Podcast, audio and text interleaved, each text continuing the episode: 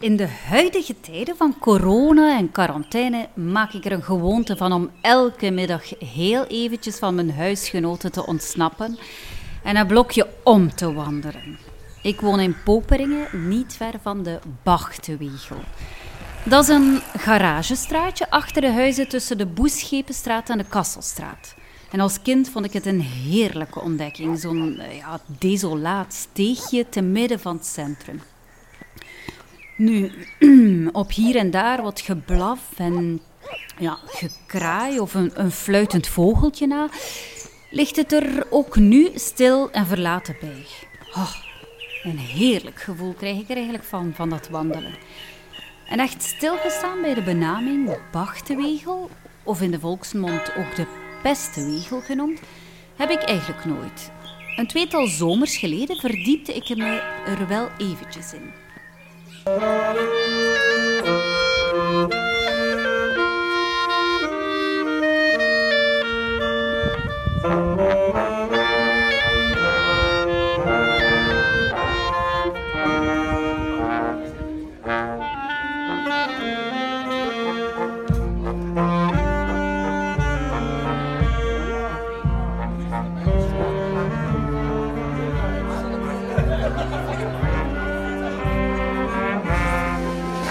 opname op de achtergrond dateert van eind augustus 2017. En uh, het geeft een korte impressie van de feestelijke opening na de heraanleg van de Bachtenwiegel. Ja, omdat zo nauw was, zorgde dat kiezelweggetje eeuwenlang voor discussies, oneenigheden en problemen. En voor de plaatselijke krant woonde ik de officiële opening bij. En ik herinner me de woorden van de burgemeester nog goed. Die klonk tevreden, want uh, met de verbreding zou nu eindelijk een eeuwenoud zeer van, de voormalige, van deze voormalige pestenwegel worden opgelost. Ja, zo klonk het in zijn speech. Maar of de Bachtwegel daarmee echt van zijn negatieve bijnaam van pestenwegel verlost was, dat was nog maar de vraag. Want uh, voor datzelfde stuk in de krant liet ik een viertal bewoners van de Kasselstraat aan het woord. En de ene was al meer tevreden dan de andere over de verbreding van dat steegje.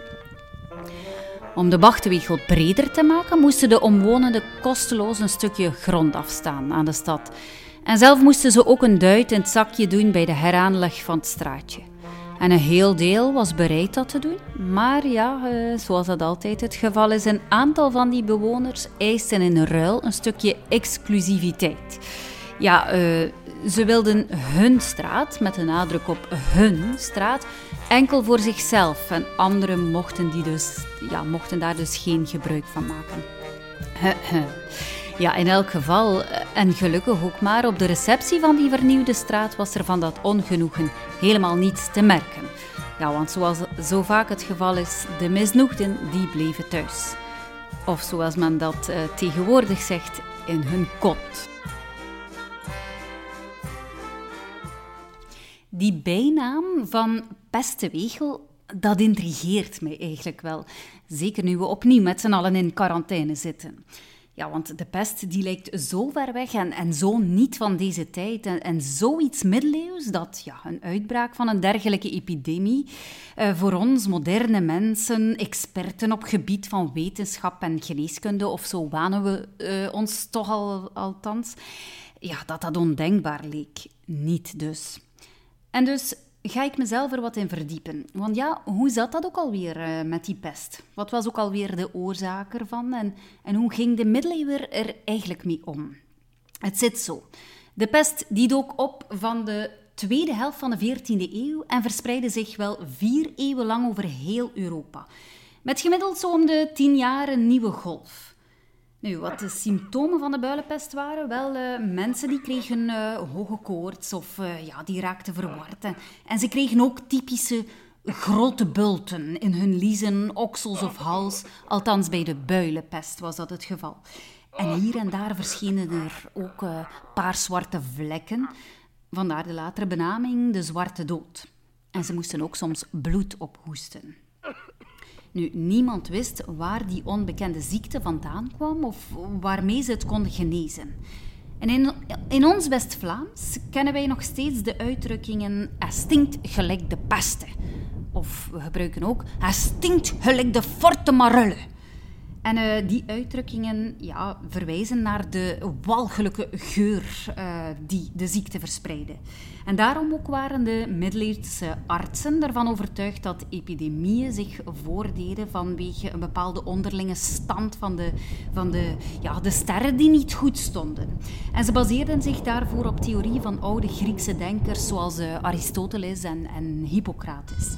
Nu, hun conclusie was dat de pest een, koorts was die werd veroorzaakt door een slechte lucht. En die ongezonde lucht was volgens hen afkomstig van zwavelachtige dampen die door ja, aardbevingen uit de aarde vrijkwamen. Zogeheten miasma's noemden ze dat. En uh, de wind voerde die ziekte dus mee en men kon er zich enkel tegen beschermen. Um, door ja, de neus en de mond dicht te stoppen. Nu, het beeld van die snavelmeesters, uh, dat zal je misschien wel bekend zijn, uh, die ontfermde zich dus over de pestleiders. De gewone middeleeuwse bevolking, die dacht er anders over. Die dacht dat het om een straf van God ging. Ja, omdat ze ergens te losbandig of verdorven hadden geleefd en dat ze nu gestraft waren. Dus wat deden die als remedie? Die gewone middeleeuwers die gingen massaal boete doen en, en processies organiseren. En zo ja, een beetje aan uh, groepsimmuniteit te doen. Hè. Niet dat dat heel veel heeft geholpen. Nu, hoe zit het nu echt? Nu weet men dat zwarte ratten de ziektekiemen met zich meedroegen. Nog niet zo heel lang weet men dat. En um, die ratten waren dus besmet met de pest en via besmette vlooien kwamen die dan tot bij de mens. En ook Bart Peters heeft daar een liedje over. Hoe de sterren staan heet het. En alles wat fout loopt, ja, gewoon verwijzen naar de sterren. Dat komt gewoon door hoe de sterren staan. Die ene vis in onze vijver is gestikt. Dus ben ik lichtjes depressief en wat vertikt. Het vijverpompje stond niet echt goed aan, dat komt gewoon door hoe de sterren staan.